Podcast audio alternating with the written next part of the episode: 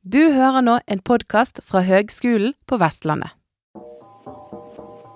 Hei, alle sammen. Jeg heter Anne Sofie Bjelland, og jeg er opptatt av bærekraft i bygg og by. Byggenæringen er i endring, og den vil endre seg radikalt de kommende årene når vi strekker oss etter å nå klimamålene. Det er utrolig mye som skjer samtidig. Med denne podkasten ønsker jeg å følge utviklingen på tvers av fag, sånn at vi sammen kommer nærmere bærekraft i bygg og by. Alle sammen. Energieffektivisering er avgjørende for å oppnå bærekraft i samfunnet. Effektiv bruk av energi det er òg avgjørende for fremtidens energisystem og for å nå klimamålene våre, siden elektrisitet er en viktig del av løsningen når vi skal omstille oss vekk fra fossile energikilder. Et eksempel på dette er jo transportnæringen, for eksempel. Og i de siste årene spesielt så har vi sett hvordan energi i større grad enn før kan bli et knapphetsgode, noe som gjør at det blir mer kostbart, som til syvende og sist viser seg på strømregningen. NVE har eh, analysert potensialet for energieffektivisering i bygg, og anslår at det er et lønnsomt potensial på opp mot 13 terawatt-timer. Dette tilsvarer ca. 10% av Norges strømforbruk.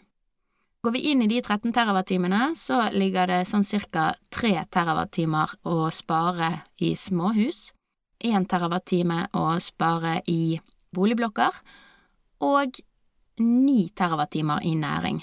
I dag så var jeg litt nysgjerrig på disse her eh, boligene. Og tiltak som monner i boliger, det er jo etterisolering og eh, forbedring av ventilasjonssituasjon, men også energioppfølging og styring. Og den siste der, som vi kan kalle for smarthus, den er jeg nysgjerrig på. For eh, å finne ut av dette her, så har jeg snakket med forskningsleder på Norse innenfor Autonomous Systems and IOT, og han er også førstelektor her på Høgskolen på Vestlandet, Ingvar Henne. Hallo Jan Ingvar. Hallo, hei, hei. Hei. Du, Kan ikke du begynne med å fortelle litt om først bakgrunnen, fagbakgrunnen og rolle der du er i dag? Eller mm. rollene? Ja, rollene, ja. Mm. ja. Eh, hovedstillingen min er jo på NORS, forskningsinstituttet, der jeg eh, leder en eh, forskningsgruppe for autonome systemer og IOT. Ja. Så vi jobber mye med sensorløsninger, smarte sensorer og observasjonssystemer. Og en del toucher litt bort i maskinlæring og forskjellig for å lage ting autonomt. da. Ja. Og så har jeg en bestilling på høyskolen der jeg eh, underviser i et fag som har fått litt sånn fancy tittel nå, som heter cyberfysiske kommunikasjonsteknologier. Ok. Hva mm. ligger i det? Nei, Det ligger primært uh, i det at en, en, trenger å kommunisere i et nettverk. ikke sant? Og, og vi snakker gjerne om cyberspace for, for, alt som har med internett å gjøre. Så det er jo egentlig ikke mer uh, kryptisk enn at det er IP-trafikk ulike eh, transmisjonssystemer og løsninger for det. Ja, Og du er faglig fra elektro? Ja, eller? bakgrunnen min er jo tilbake til den gangen det het NTH. Ja. Og da eh, hadde jeg radiokommunikasjon eh, på elektro som et hovedområde, og hadde antennedesign da som min, min hovedoppgave, da, avslutningsvis. Ja. Mm. Stilig, stilig. Uh, yes, jeg har jo eh, bedt deg om å bli med for å snakke om dette her med uh, strøm og hus, eller kanskje mest bolig. Um, det skjer jo mye i strømmarkedet nå, vi har en krise osv. Vi kan jo ta litt sånn den nåværende situasjonen først, kanskje. Mm. Sånn sett fra ditt ståsted. Hvordan vil du beskrevet den? Nei, altså, det som er litt spesielt for, for Norge, er jo det at vi bruker jo elektrisk kraft til det aller meste av oppvarming, og eh, både av bolig og varmt vann. De, liksom de to store, tunge eh, energiforbrukerne. Eh, I motsetning til en del andre land som f.eks. har gass til, til å varme opp det. Ikke at det hjelper så fryktelig med de gassprisene som er i dag. Da. Nei, nei, det blir omtrent like, like, ille. Mm. Så vi har kanskje faktisk en fordel i den forstand at hvis en tenker på muligheten for automatisering og tiltak for å tilpasse seg den eh, energisituasjonen vi har for øyeblikket, så eh, er det kanskje en, en fordel at vi faktisk har en et, ja, en energikilde som lar seg styre bedre, enn automatisere bedre enn gjerne det som går på gassdrevne løsninger. Ja, det er et godt poeng. Og så har vi jo da stigende, stigende, energipriser. Vi har en knapphet på energi, mest sannsynlig, og den kommer nok til å vedvare, tipper jeg. da. Det er mm. vel prognosene. Eh, og så har vi denne her nye effekttariffen. Ja. Eh, I det hele tatt så er jo de prismodellene vi ser nå, eh, egentlig ganske uvant for oss, som har vært vant med både stabile, faste priser og på et mye lavere nivå. Så vi har jo egentlig ikke tenkt så mye på bruk av elektrisk energi, egentlig. Det har, bare vært der i stikkontakten. Det har vært enkelt og lett, lett, tilgjengelig. Jeg er jo egentlig gammel nok til å huske overforbruk og wattmetere på, eh, ved siden av komfyren. Og, og, det er faktisk litt der vi, vi kommer tilbake. Og, og det, da kommer jeg egentlig til å tenke på litt analogien mellom smartmåleren som vi alle har fått nå i huset. Mm. Og uh, den gamle metoden med overforbruk og, uh, og toprismodell som vi hadde for lenge tilbake. Ja, Fortell om den til alle de som ikke husker det. Ja, det var det. Ja, altså, en hadde en lav pris på et fast antall kilowatt, som maksimum på et Jeg kunne være så lavt, kanskje to kilowatt eller fire kilowatt eller noe sånt, som til en fast lav pris. Og med en gang en passerte den grensen, så gikk en inn på en mye høyere eh, kilowattpris. da. Ja, så det var prisgunstig å bruke eh, litt mindre og jevnere, ja. på en måte. Ja. Og det er litt av det samme vi ser i, i dag, for at, uh, nå har jo uh, netteier òg kommet inn med egentlig et toprissystem med en um, eller ikke bare to pris, men, men, i hvert fall de har, de har, forskjellig effektpris på dag og natt. I tillegg så har de forskjellige trappetrinnsnivåer, der du da betaler mer for hvis du går over på en høyere effekttariff. Det som er spesielt nå, er at du betaler egentlig høyere pris eh, hele tiden. Bare fordi du har passert denne grensen én gang i løpet av en periode. Oh, ja. Så det er en litt, uh, litt, mer aggressiv modell sånn sett. Ja, det er det jo da absolutt. Så derfor så er det kanskje enda viktigere nå å ikke bikke denne eh, grensen da, for å gli over i en, i en høyere tariff. Ja. ja. Men er det på døgn, da? Én tariff per døgn hvis du går over denne piken en gang? Var det det du mente? Ja, det er innenfor, uh, ja, det er innenfor en periode. Det er jo litt ulik fra ulike netteierne. Men mm. prinsippet er det at du går du over den eh, innenfor de timesintervallene som er satt opp, så uh, glir du da inn i en ny priskategori. Ja. Mm. Og så bare bakgrunnen for at det nå prises på effekt. Altså Effekt er jo hvor mye strøm du bruker i øyeblikket, altså hvor mm. mye du får på en gang. Og bakgrunnen for disse tariffene er det utelukkende eh, kapasiteten på strømnettet, altså transport av elektrisitet. Det er i hvert fall det som er den offisielle bakgrunnen for det. Eh, og det er jo selvfølgelig et, et poeng at eh, du skal prøve å, å balansere og fordele eh, effektforbruket. Det har jo ikke nødvendigvis noe med total energiforbruk å gjøre. Akkurat den delen av det, da. Mm. Så, så, det er først og fremst for, for at både at du skal kunne spare utbyggingskostnader for å oppgradere nettet. Da. Og det henger jo en del sammen med introduksjonen av eh, elbil, som er jo en typisk høyeffektskomponent, som kan trekke veldig mye strøm hvis, skal, i hvert fall hvis du tenker deg eh, hurtiglading. Eh, nå har ikke en hurtiglading i heimen nødvendigvis, men hvis du klarer å trekke så mye som f.eks. 32 ampere ladestrøm på en bil, så er jo det en, en belastning for, for gridet hvis mange gjør det samtidig. Mm. Ja, den ser jeg jo absolutt. Men du var inne på det med, dette med smart, uh, smartmålere. Og de har vi jo mm. alle sammen fått i hus uh, for ja. noen år siden. Og så tror jeg nok at jeg kan uh, tippe at majoriteten av oss, vi har bare fortsatt sånn som vi alltid har. Ja. Og da har vi jo liksom ikke utnyttet den smartmåleren på samme måten som nettleverandøren og vår energileverandør gjør. da. For de, de, bruker jo denne til å kunne ha et uh, Kjøre de prismodellene de har nå. Tidligere så var jo ikke det mulig, for da leste du bare av måleren uh, en gang i måneden eller så, og du hadde et gjennomsnittsforbruk. ikke sant? Og så hadde du et estimat for hvordan det var fordelt. Nå vet de jo nøyaktig hvor mye effekt en har brukt til et gitt tidspunkt, og kan prise da, energi igjen ut ifra det.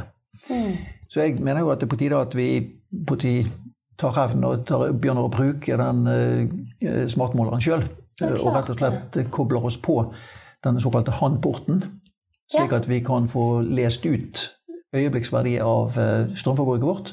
Og at vi samtidig da kan bruke det til å styre forbruket på en sånn måte at vi får glede av denne enheten, og ikke bare at det er bare netteier som skal ha glede av det. Nei, absolutt. Ok, Så her er det sånt, eh, en forbrukerrettighet som egentlig veldig mange av oss ikke har benyttet oss ordentlig av ennå. Ja, for at, eh, da, kan en f.eks. følge med på å se at uh, en har et, et strømforbruk nå, nå, viser jeg bare fra min egen siste døgn, der jeg har ladet elbilen på, på, natten med et høyt forbruk, og så har jeg veldig lite strømforbruk på formiddagen. Og det henger selvfølgelig litt sånn sammen med at slik ser prisen ut. Den har stikk motsatt fasong. Mm. Når prisen er lav, så har jeg et høyt forbruk. Når prisen går opp, så er forbruket mitt lavt. Mm. Og hvis en da kan klare å, å få et styringssystem Eh, kanskje i første omgang er det godt nok at en får informasjon om dette, her, sånn at en kan gjøre noen grep mer eller mindre manuelt. Mm. Og så I neste omgang så kan en jo da vurdere om en vil investere i utstyr som er i stand til å gjøre dette automatisk, så at en slipper å plages med å tenke på disse tingene og slå av og på ting sjøl. Ja, ja, for bare å se dette her i, i sanntid vil jo kunne påvirke atferd. Det ja. er jo det er én ting. sant? Men så har du det der med at det er mye som skjer i et hus Eh, uten at du skrur av og på, for å si det sånn. Mm. Som f.eks. varmtvannsbereder og andre nødvendigheter, håper jeg. Mm. Eh, så hvordan kan man dra det videre da for å altså, optimalisere Altså hva er en optimal løsning for oss eh, som bor? Ja, en, eh, en, metode som vil fungere bra, er jo f.eks. at en forskyver da, oppvarmingen i forhold til forbruket. Og det kan en jo gjøre på alle ting som har en form for lagringseffekt i seg. Elbilen har lagring i form av batteri. Varmtvannsberederen har òg lagring i form av varmt vann, som har høy varmekapasitet. Og uh, gulvvarme kan òg til en viss grad uh, gi den effekten at du kan forskyve forbruket litt grann, i forhold til det faktiske tidspunktet du, du trenger den eh, varmen. Mm. Så for så gjør jeg det sånn at Eh, altså Normal atferd er jo for de fleste å gjerne ta en dusj om morgenen. Og med det samme du tar en dusj, så vil varmtvannsberederen slå seg på fordi at eh, temperaturen synker. sant? Mm. Og hvis da alle varmtvannsberedere slår seg på klokken seks-syv om morgenen, mm. så eh, er det noe som netteier ikke ønsker. Og da priser de jo energien i forhold til det. For etterspørselen blir høy, og prisen går opp både på energien og for så vidt på, på nettleie hvis en har den modellen. Og men jeg merker ingen forskjell på temperaturen på vannet mens jeg dusjer, om varmtvannsberederen ikke slår seg på. Nei. For den er ikke så øyeblikkelig, den Nei, eh, oppvarmingen der. Nei. Sånn at min varmtvannsbereder slår seg på klokken tolv om formiddagen når prisen har gått ned. Ja. For midt på dagen er, typisk uh, da uh, strømmen noe billigere enn på morgenen. Men da må jeg spørre hvordan du får det til. da? Gjør du det, eller har du program, eller er dette noe jeg kan gjøre òg? Enkelt og greit? Ja, i, i prinsippet så, så, kan du det. Men varmtvannsbereder er jo litt, litt sånn tricky i forhold til regelverk og slike ting. At eh, en skal i hvert fall nå med nye ny installasjoner så skal en ikke kunne koble det direkte på stikkontakt. Og da er det litt mer tricky. Du kan ikke bare sette en sånn enkel eh, bryter i, i stikkontakten som du fjernstyrer. Så, så jeg har, eh, har, et annet system som, som, gjør det som en fast installasjon. Ja, okay. eh, men akkurat den løsningen jeg har, den styres bare på klokken og ikke på, på faktisk pris. Men du kan jo ta det ett hakk videre, da. At den faktisk venter helt til prisen går ned ja. uh, før han, han, kobler inn. Men jeg har bare tidsforskjøvet det. Styrer du bare med, med en Nobe-kontroller. Ja, ok. Men mm. jeg vil jo tro at det finnes flere leverandører der ute nå som kobler seg til denne HAN-inngangen, sånn at du får sanntidsdata, og som videre tilbyr at f.eks. hvis du har én kurs i sikringsskapet ditt som går til varmtvannsberederen, mm. så kan den tas ut ja. og settes på basert på når det er billig strøm. Mm. Ja da. Det går an å gjøre på forskjellige nivåer av automatisering. Eh, og det er jo òg muligheter for Det finnes jo smarte varmvannsberedere òg du kan kjøpe etter hvert, men det er jo en litt større investering å skifte ut hele varmvannsberederen. Mm. Men eh, det å, å, styre den, eh, det går greit. Og i forhold til den problematikken rundt salmonella, og sånt, så er ikke det et tema fordi at du varmer jo opp igjen vannet eh, før du bruker det igjen. Mm. Sånn sett, så det, at det er ikke noe risiko knytta til det når du har sånne kort uh, brudd. Du får jo uansett kaldt vann inn i varmtvannsberederen når du bruker vannvann så det, temperaturen synker jo uansett. Ja, ja, ja, absolutt. Mm. Veldig, veldig bra, da. Um, ok, ok. Så da har vi snakket om disse mulighetene for energilagring. Men, men uh, også, jeg tenker jo også på Det er jo mer og mer snakk om at bygningene skal være energiprodusenter. Jeg vet det er stor etterspørsel nå etter solcellepanel. Mm, ja. Og uh, hvordan passer produksjonen inn i dette? her? Ja, altså det er jo, uh, det er jo typisk òg at du kan bruke både elbil, hvis han da står hjemme på dagtid, i hvert fall, så, så, er det jo ikke noe problem å bruke den som et batteri for å lagre solenergi. Eh, og varmtvannsbrenneren egner seg òg godt eh, til akkurat det. Eh, for øvrig så, så, er jo det litt sånn dilemma gjerne at hvis en er yrkesaktiv og, og huset står tomt om dagen, så er det, er det et dilemma at en produserer mest strøm når en ikke trenger det, ved hjelp av solceller. Eh, men eh, de gror opp rundt meg. Eh, både Jeg har to naboer nå som installerer panel, og de har jo hatt god nytte av det på spesielt han ene som da har installert batteri da, for å ta hånd om, om energi. Men da snakker vi om ganske store, tunge investeringer i 100 000-kronersklassen. Ja. Så det, ja, hvis prisene fortsetter å være så høye, så er det jo en god investering. Mm. Men det er jo ja, det, er et regnestykke en må se på. Ja, skjønner, skjønner. Mm. Og så er det jo òg det, det dilemmaet at uh, hvis du skal selge et overskudd av strøm, mm. så er ikke det så fryktelig lukrativt. Men det er veldig lukrativt å bruke det sjøl, selvfølgelig, kontra å, å, kjøpe strømmen. Det er jo ikke noe tvil om. Mm. Men der er det jo på en måte et behov for å lage litt bedre strukturer, egentlig. Mm. Både forretningsmodeller osv. Der jobbes det jo mye på, på andre hold, da, vet jeg. Men, øh, men, du har et prosjekt der du skal jobbe med, med dette her på Nås? Ja, det er riktig. Vi har en, eh, et prosjekt gående med en lokal elektroinstallatør. Og det som er poenget med det prosjektet, er også å se på ulike modeller. Rett og slett simulere hvordan forskjellige tiltak og forskjellige prismodeller vil eh, matche hverandre på sett og vis. Hva, hva er de gode investeringene eh, i forhold til eh, ulike typer eh, prisregimer? da? Ja, det, er Også investeringer i bolig, da? Ja. Dette er fokusert på, på privatboliger primært. Så det er relativt små enheter, og det er òg tenkt i forhold til å kunne gjøre ting som krever moderate investeringer. Mm. Så det er først og fremst eh, smarthusstyring, ikke nødvendigvis uh, installasjon av solcellepaneler eller uh, jordvarme eller sånne større ting, tunge ting. Og heller ikke varmepumpe og, det som for så vidt ligger der som, en, som ja, ganske sånn basisløsninger, da, spesielt for, for nye nybygg. Så her er det primært det å kunne gå inn i, i eldre bygg der en har brukt ja, der ser på in, ja, investeringer i sånn 10 000 kroners-klassen, gjerne. Ja, da for å prøve å få relativt kort nedbetalingstid. Ja. Mm. Det der er jo kjempeaktuelt. Vi skulle vært ja. ferdig med prosjektet nå.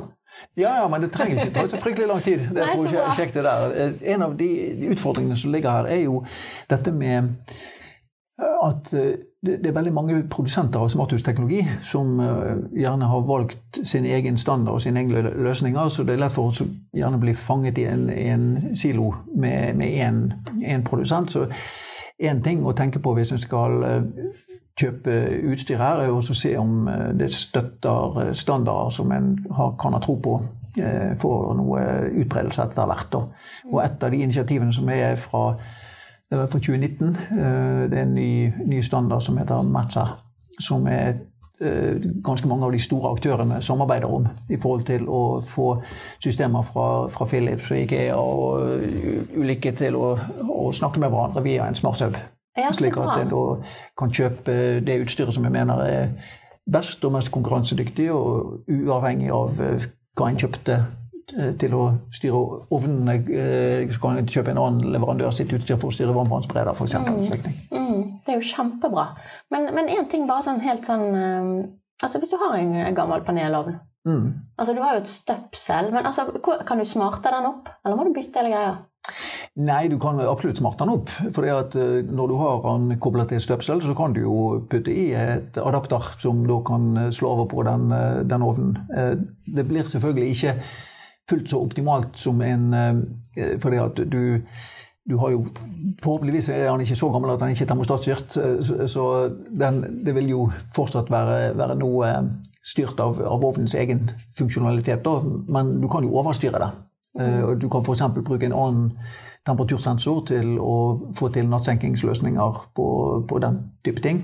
Du kan òg bruke dette til å unngå effekttopper ved at du akkurat når du har kaffetrakteren på, så kan du slå av ovnen i de tre minuttene det tar å koke kaffe. ikke sant? Mm. Det merker du ingenting av på romtemperaturen, men du kan merke det godt på regningen din hvis du får en stor effekttopp som, som da eh, gjør at du vipper opp i en, en ny eh, effektkategori. Mm, absolutt. Men ok, hvis vi skal liksom uh, summere opp litt hittil, da. Eh, det første vi må gjøre, det er å få sett eh, forbruket vårt. Mm, bevisstgjøring, og Ja. det tror jeg er mye å, å hente på. For det, det er en del sånn symboltiltak ute og går. Og det er ikke noe vi skal bruke energi på. Kom med et eksempel, da. Nja, altså f.eks. å eh, skifte, skifte ut uh, masse lyspærer uh, som i utgangspunktet bruker relativt lite energi i et rom som likevel varmes opp med panelovner, har jo ganske lite for seg. Og jeg for du tenker at da er lyspæren òg oppvarmings... Ja, den er en energikilde. Ja, Så ja, ja. hvis du bare husker på å slå den av når du går ut av rommet, Ja. så er det ikke nødvendigvis så mye å hente på det. Nei. Som f.eks. på å, å eh, investere i en varmepumpe eller å, å gjøre noe eh, smart med, med vann eller oppvarming. Det er jo der de store komponentene ligger. Ja. Ok, men da, da må vi få, få sanntidsdata på bruken vår, og det må vi gjøre ved å få en duppeditt inni på smartmåleren vår. Ja. For det får ikke du av strømselskapet. Da får du i, i beste fall eh, hvordan det var i går. Det er i hvert fall min erfaring. Ja, altså det, det er riktig. Og eh, nå er det riktignok noen som, eh, som tilbyr en eh, løsning direkte mot, eh, mot mobil, mot en app. da. Okay. Men, Uten duppeditt i sikringsskapet? Nei, ikke uten duppeditt. Men, men du kan kjøpe en, en felles løsning, da, Ja, du si, fra en fra strømleverandør, sånn eller Tibber bare den, Ja. de løsningene. Men mens ellers så er det egentlig slik at du, du må ja, må ta den jobben sjøl og få noe inn i, i sikringsskapet der. Og få, få kontroll på det. enten inn, i det- Men som sagt, det, det fins eh, løsninger som du kan kjøpe direkte med, både enten en appstyring på telefon eller en webside til grensesnitt eh, som viser det live. da. Men så, da? Sant? Så åpenbart så blir vi litt påvirket hvis vi ser litt på dette her. Sant? Så kanskje vi endrer litt atferd og sånn. Men den neste tingen du vil anbefale å ta tak i, da? Ja, det neste er jo at uh, du får avløsning av noen, en smartboks som kan eh, ta de beslutningene for deg eh, i forhold til å, å observere eh, øyeblikksverdien på, på ditt strømforbruk, og f.eks. da slå av varmtvannsberederen eh, hvis du begynner å, å lage mat. Mm. Sånn at du unngår disse effekttoppene. Mm. I tillegg så kan den gjøre forskyvninger av effektforbruket. Eh, eksempel så kan du utmerket godt slå av badegulvet før du begynner å bruke hårføneren. Merker ingen forskjell. Eh, Det er helt sant. Så, så eh, det, jeg kan gjøre en, noen sånne små triks igjen for å En kan spare litt grann energi. Ikke veldig mye, men litt grann energi kan du spare. Og så, og så, men først og fremst kan du spare effekt. Mm, mm. Ja. Ok. Kjenner jeg har en jobb å gjøre. I heimen. Ja, det er så spørs jo, må jo òg tenke på hvilken bolig en bor i. Altså, eh, hvis en bor i en bolig med et høyt strømforbruk, så eh, med veldig dårlig isolasjon og slike ting, så er det klart at disse klassiske tiltakene med å faktisk isolere, skifte varmepumpe og sånne ting, det må kanskje ligge i bunn. Eh, Ja, ja. For eh, da vil jeg bruke pengene der. Eh, fordi at da begynner å fikle med, med litt sånn fintuning på, på smarthusteknologi hvis liksom bare energien renner ut i alle hjørner. Det er ikke nødvendigvis eh, det som gir det helt store tiltaket. da. Men hvis den basisen er på, på plass, og en ønsker å tweake litt ekstra, og, så, så, er det verdt å, å få til. Og så du, kan du jo ta det ganske langt, og kanskje siste skritt er at eh, huset blir venn med deg på Google Kalender. Og følger med på hva avtaler du har, og når du er ute, når du er hjemme og styrer huset i forhold til det. Ja, det høres litt fint ut og litt skummelt ut på samme tid. Ja, det kan slå begge veier. Men, bra. Ja. En annen mulighet som, som, noen snuser på, det er jo at en i stedet for at en faktisk eh, har helt eksakte eh, ting som ligger inne, så bruker en maskinlæring for å detektere atferd over tid. Mm. Sånn at en kan, kan bruke det bruksmønsteret som uh, maskinen nå finner, mm. som en basis for uh, reguleringen. Ja, og da bare med noe sensorikk og litt sånn, da? Ja, så det kan være sensorikk som går på sånne uh, sensorer som måler om det er noen i, i bygget, f.eks. Mm. det kan være sensorer som da finner ut av om en er, hvilket rom en er i på ulike tider og døgn og slike ting. Mm, mm. Utrolig spennende. Men jeg syns det er en utfordring at uh, dette er altså Før så var det ganske enkelt å bo. eller sånn, at uh, Dette krever på en måte litt sånn beboerkompetanse. Skjønner du hva jeg mener? Ja, det er en terskel foreløpig. Ja. Ja, Men uh, det kommer vel? Ja, det vil jeg tro. Altså, det, det, er jo selvfølgelig Noen vil ta dette som en hobby og en litt artig utfordring. Mm. og andre gir blaffen fordi at en har penger nok til at en kan tåle at strømregningen eh, vokser litt. Mm. Uh, og så eh, får vi se hva, hva, som skjer med strømstøtte og makspris og alle de tingene som diskuteres. Mm. Og det er jo litt av utfordringen med å si om denne type investeringer vil lønne seg eller ikke, for vi vet jo ingenting om, om framtiden. Mm. Men det vi høyst sannsynlig kan si, er at energi vil kunne bli en knapphet framover pga. at det grønne skiftet tvinger oss over på, på mer variable energikilder og på eh, mer begrenset energi enn det vi kanskje har vært vant med å mm. bruke. Mm. Så um, jeg tror uansett vi vil gå i, i den retningen der. Og så er det jo òg det poenget at uh, å sløse med energi er uansett ikke bra, da. Nei. I det store bildet. Ja. Veldig, veldig bra. Helt på tampen, Ingvar, har du noen eh, kloke ord, gode råd til de som skal ut og forme morgendagens bygninger? Ja, altså, det som er Det er et dilemma at eh, det å gjøre et hus eh, ekstremt energigjerrig, om vi skal bruke det ordet, kan fort gå på bekostning av inneklimaet.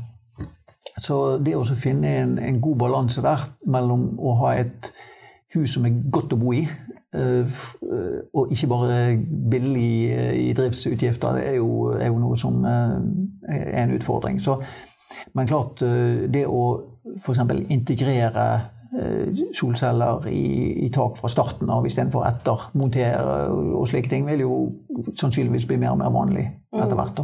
Mm. Så, så, jeg tror nok den, den og styringssystemer definitivt uh, naturlig at det kommer på plass. Men der er det igjen utfordringer i forhold til til standardisering og brukervennlighet og alle de tingene som, som, skaper terskler for at det blir tilgjengelig for eh, Hva er det de sier? Vanlige folks tur til å gjøre ting. ja. Veldig bra. Tusen takk for praten, Ingvar. Jo, bare hyggelig. Mm. Et godt poeng som Ingvar har, det er jo at vi bør benytte oss av forbrukermakten i større grad enn det vi gjør. Eh, vi har fått disse smarte strømmålerne. Vi bør plugge oss på og skaffe oss innsikt på, i vårt eget forbruk. Og så er det òg et uttrykk som sier at hvis du kan måle det, så kan du kontrollere det, og i dette tilfellet redusere det. Og meg og Ingvar vi drodlet litt videre etter praten, og da nevnte Ingvar noe som heter nowcasting, eh, som vil si altså at man benytter altså smartteknologi i huset, benytter værdata som da planlegger for lavt strømforbruk, i den forstand at for eksempel hvis værdata viser at klokken seks i kveld så blir det kald nordavind, så vil huset kunne respondere med å varme opp huset i forkant, sånn at ikke du varmer opp huset samtidig som alle de andre seinere, fordi at da vil jo prisen være høyere. I et annet eksempel er at for eksempel hvis værdata forteller at det blir solskinn klokken ett, så kan huset respondere med å redusere oppvarmingen fordi at du da vil få solvarmetilskudd inn i huset, sånn at når du kommer hjem klokken fire, så er det varmt uten at du eh, har brukt oppvarming, og du slipper også at du får overoppheting, eller at du fyrer for kråkene, da. Så eh, ikke dumt eh, med denne teknologien her. Men så er det jo litt sånn at eh, dette er fascinerende og dette er stilig, og, men jeg er en av de som eh, liksom sitter og lurer på ok, hvordan skal vi gå i gang med dette, da? Og jeg mistenker at jeg er langt ifra alene. Og det har òg et element av eh, rettferdighet i seg. For det er ikke alle som er rustet verken eh, teknisk forståelsesmessig eller eh, økonomisk eller tidsmessig eller energimessig til å sette seg inn i smarthusteknologi og begynne å gjøre dette her på sånn der Petter Smart-hobbybasis. Men heldigvis, da, så, så, er det ikke bare som boligbeboere overlatt helt til oss sjøl. Det er flere netteiere som eh, lager løsninger der forbruker får en hyggeligere prisløsning mot at eh, eh, netteier får styre f.eks. varmtvannsbereder, eller andre av disse treige tingene som kan skrus av en stund ved høye effekthopper. Det kan være gulvvarme, varmtvannsbereder osv. De kan styres da av netteier mot at du får en hyggeligere prisløsning. I tillegg så er jo strømleverandørene også på denne ballen og jobber med dette. Og det er viktig for at eh, dette skal være noe som, eh, som alle på en måte kan eh, ta del i og få glede av, da, i form av at man får eh, energieffektivisert og optimalisert strømforbruk, og dermed også eh, optimalisert eller redusert utgiftene sine så godt som det går. Sånn sett så kunne de jo fått eh, mitt tak til å lage solkraft mot en litt hyggeligere deal på strøm. Kanskje det blir aktuelt en dag. Ha det godt.